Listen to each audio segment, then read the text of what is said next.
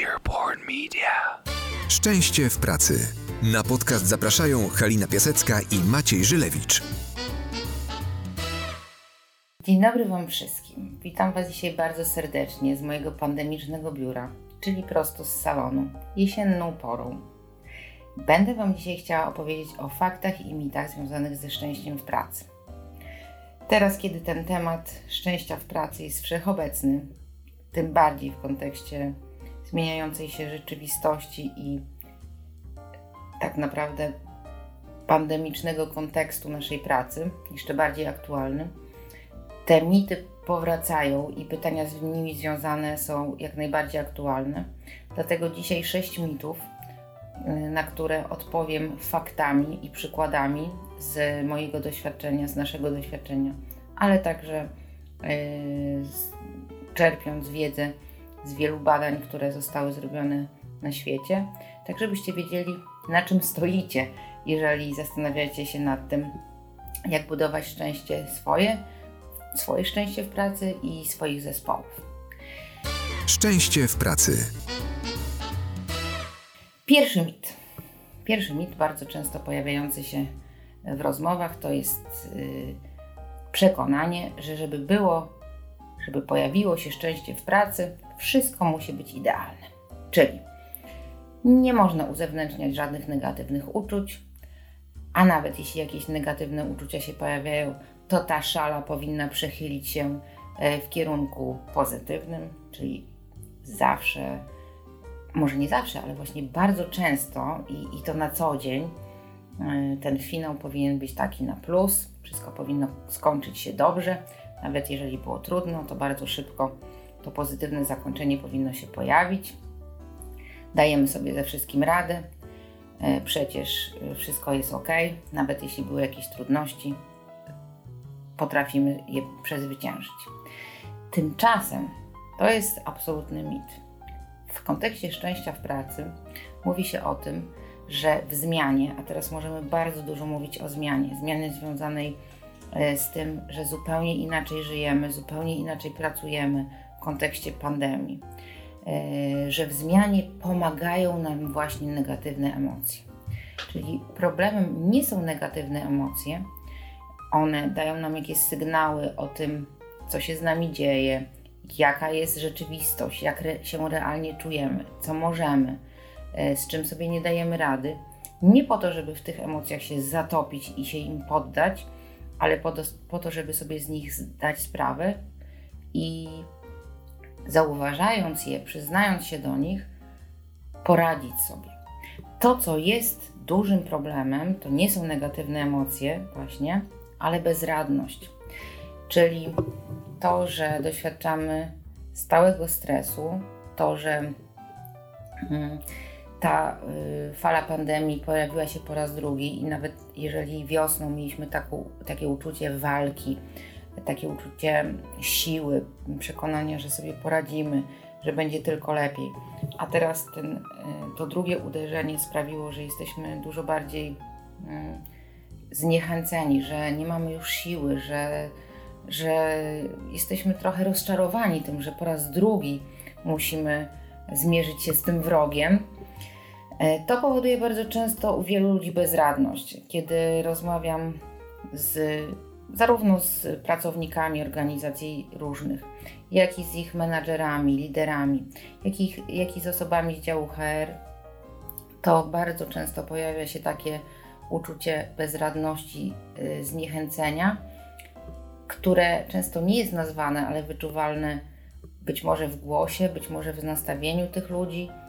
Yy, I to jest coś, oczywiście nie jest tak u wszystkich, to nie jest tak, że wszyscy tego doświadczają, ale większość, ogromna większość jednak ma takie poczucie, że to jest bardzo duża próba. Ten wysiłek po raz drugi. Że ta zmiana, która nastąpiła, to nie jest zmiana, którą my sobie wybraliśmy. To nie jest trudna, wymagająca zmiana, która jest dla nas naprawdę wyzwaniem, ale my jej chcemy tylko to jest nam zewnętrznie narzucona zmiana, której musimy sprostać lub po prostu będzie bardzo źle. I jesteśmy często mamy takie poczucie, że jesteśmy wobec tego bezradni, że nikt nas o to nie pytał. Tak ma być i już. Dlatego też y, w kontekście szczęścia w pracy warto zdać sobie z tego sprawę. I tak jak pracujemy y, z naszymi klientami, tworząc dla nich programy właśnie budowania takiej odporności psychicznej, e, wychodząc od tego, żeby te emocje zauważać i tworzyć takie bezpieczeństwo psychologiczne, przez co y, stawiamy na zaufanie. Y, bardzo ważna rzecz teraz w kontekście właśnie nowej rzeczywistości, w której żyjemy. To jest coś, co prowadzi do szczęścia w pracy, mimo tej gigantycznej zmiany, która dotyczy każdego z nas. Szczęście w pracy. Drugi mit związany ze szczęściem w pracy to to, że ludzie, którzy są w pracy szczęśliwi, są bardziej leniwi. Czyli generalnie ludziom potrzeba kopa, ich trzeba trochę otrzeźwić, e, takie porządne potrząśnięcie kimś. Jeśli komuś nie jest za dobrze, nie znaczy źle, ale nie za dobrze, wtedy on dopiero będzie pracował. Jak troszeczkę będzie czuł taki z tyłu, z tyłu właśnie bat, trochę takie niebezpieczeństwo, które może się pojawić, wtedy on się weźmie za siebie i rzeczywiście będzie dobrze pracować. Otóż nic bardziej błędnego. Bardzo wiele badań dotyczących szczęścia w pracy mówi o tym, że jest dokładnie odwrotnie. Czyli na przykład mm, ludzie szczęśliwi w pracy to są ludzie o 50% bardziej zmotywowani, którzy w swojej pracy widzą sens. Nawet jeśli są trudności, nawet jeśli coś nie idzie po ich myśli, nawet jeśli sytuacja jest bardzo wymagająca, oni wiedzą dlaczego to robią. Ludzie szczęśliwi w pracy to są ludzie bardziej zaangażowani dwa razy bardziej zaangażowani niż, niż ich y, nieszczęśliwi koledzy. To są ludzie, którzy są o 30% bardziej efektywni. Coś, na czym zależy praktycznie każdej organizacji. Więc obaliliśmy drugi mit. Ludzie szczęśliwi w pracy wcale nie są bardziej leniwi, wręcz przeciwnie. Lepiej pracują, są bardziej zmotywowani e, i bardziej efektywni. Trzeci mit dotyczący szczęścia w pracy to mit, który mówi o tym, że szczęście w pracy to jest to samo co zadowolenie i satysfakcja z pracy. Otóż tutaj warto wyjaśnić, na czym polega, polegają te dwa pojęcia e, i czym one się różnią. Ta satysfakcja z pracy, z pracy, która jest bardzo często mierzona, to jest coś, co e, leży po stronie organizacji, czyli to organizacja sprawia poprzez to, jak y, zespoły są zarządzane, poprzez to, co oferuje swoim pracownikom, poprzez to, w jaki sposób tworzy swoją kulturę, jak się z nimi komunikuje, to ona dba o to, żeby ludzie by mieli wysoką satysfakcję z pracy, byli bardzo zadowoleni. Natomiast w samym założeniu za szczęście w pracy jest współodpowiedzialny pracownik, więc to jest taka współpraca pracodawcy i pracownika, menadżera i pracownika, organizacji i zespołów. I to jest ta różnica. Także szczęście w pracy to nie jest zadowolenie i satysfakcja z pracy.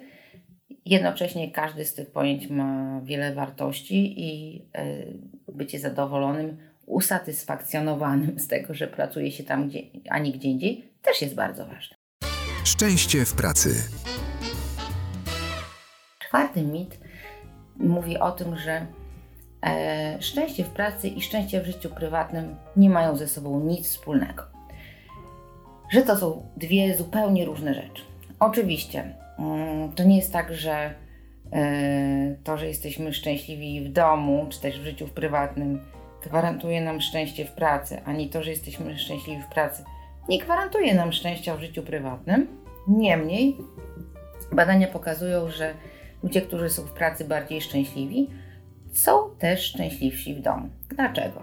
Ponieważ y, w pracy spędzamy tak dużo czasu i jest to tak ogromna część naszego życia, że jeżeli tam jest nam dobrze, jeżeli widzimy sens w tym, y, co robimy i jeżeli jesteśmy z tego dumni, jeżeli y, jesteśmy tam uznani, jeżeli naprawdę ta praca jest dla nas ważna, daje nam szczęście, to oczywiście wpływa to na nasze życie prywatne, e, ponieważ to jest po prostu nasze życie.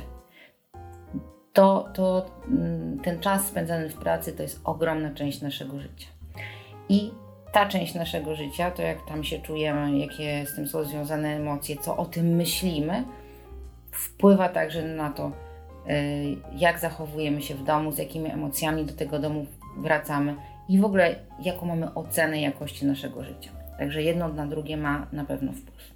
Piąty mit mówi o tym, że e, takie mm, ukłony ze strony pracodawcy w postaci na przykład piątkowej pizzy, piłkarzyków na korytarzu, e, takiego zdrowego e, poczęstunku, który funduje nam pracodawca na co dzień w pracy. To oczywiście bardziej dotyczyło sytuacji, kiedy byliśmy jeszcze w biurze, kiedy pracowaliśmy e, razem, mm, a nie tak jak jest teraz, kiedy pracujemy zdalnie, ale bardzo często odnosiło się to do tego, że wystarczy ludziom dać takie różne drobiazgi na co dzień, żeby ludzie się w pracy czuli szczęśliwi.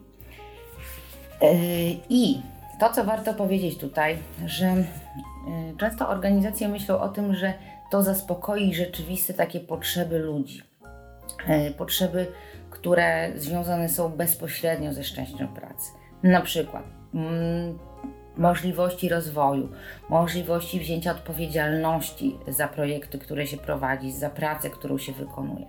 E, to jest też taka potrzeba związana z docenieniem kultury organizacji, czyli to, że ludzie się dobrze czują po prostu tam, gdzie pracują. E, I to są rzeczy, które e, są u podstaw, są to takie fundamenty szczęścia w pracy, a te drobne dodatki, rzeczy uzupełniające są niezwykle ważne. Ludzie to doceniają, ludzie to zauważają, ludzie to lubią. Niemniej to nie jest coś, co zagwarantuje ich szczęście w pracy bez tych fundamentów.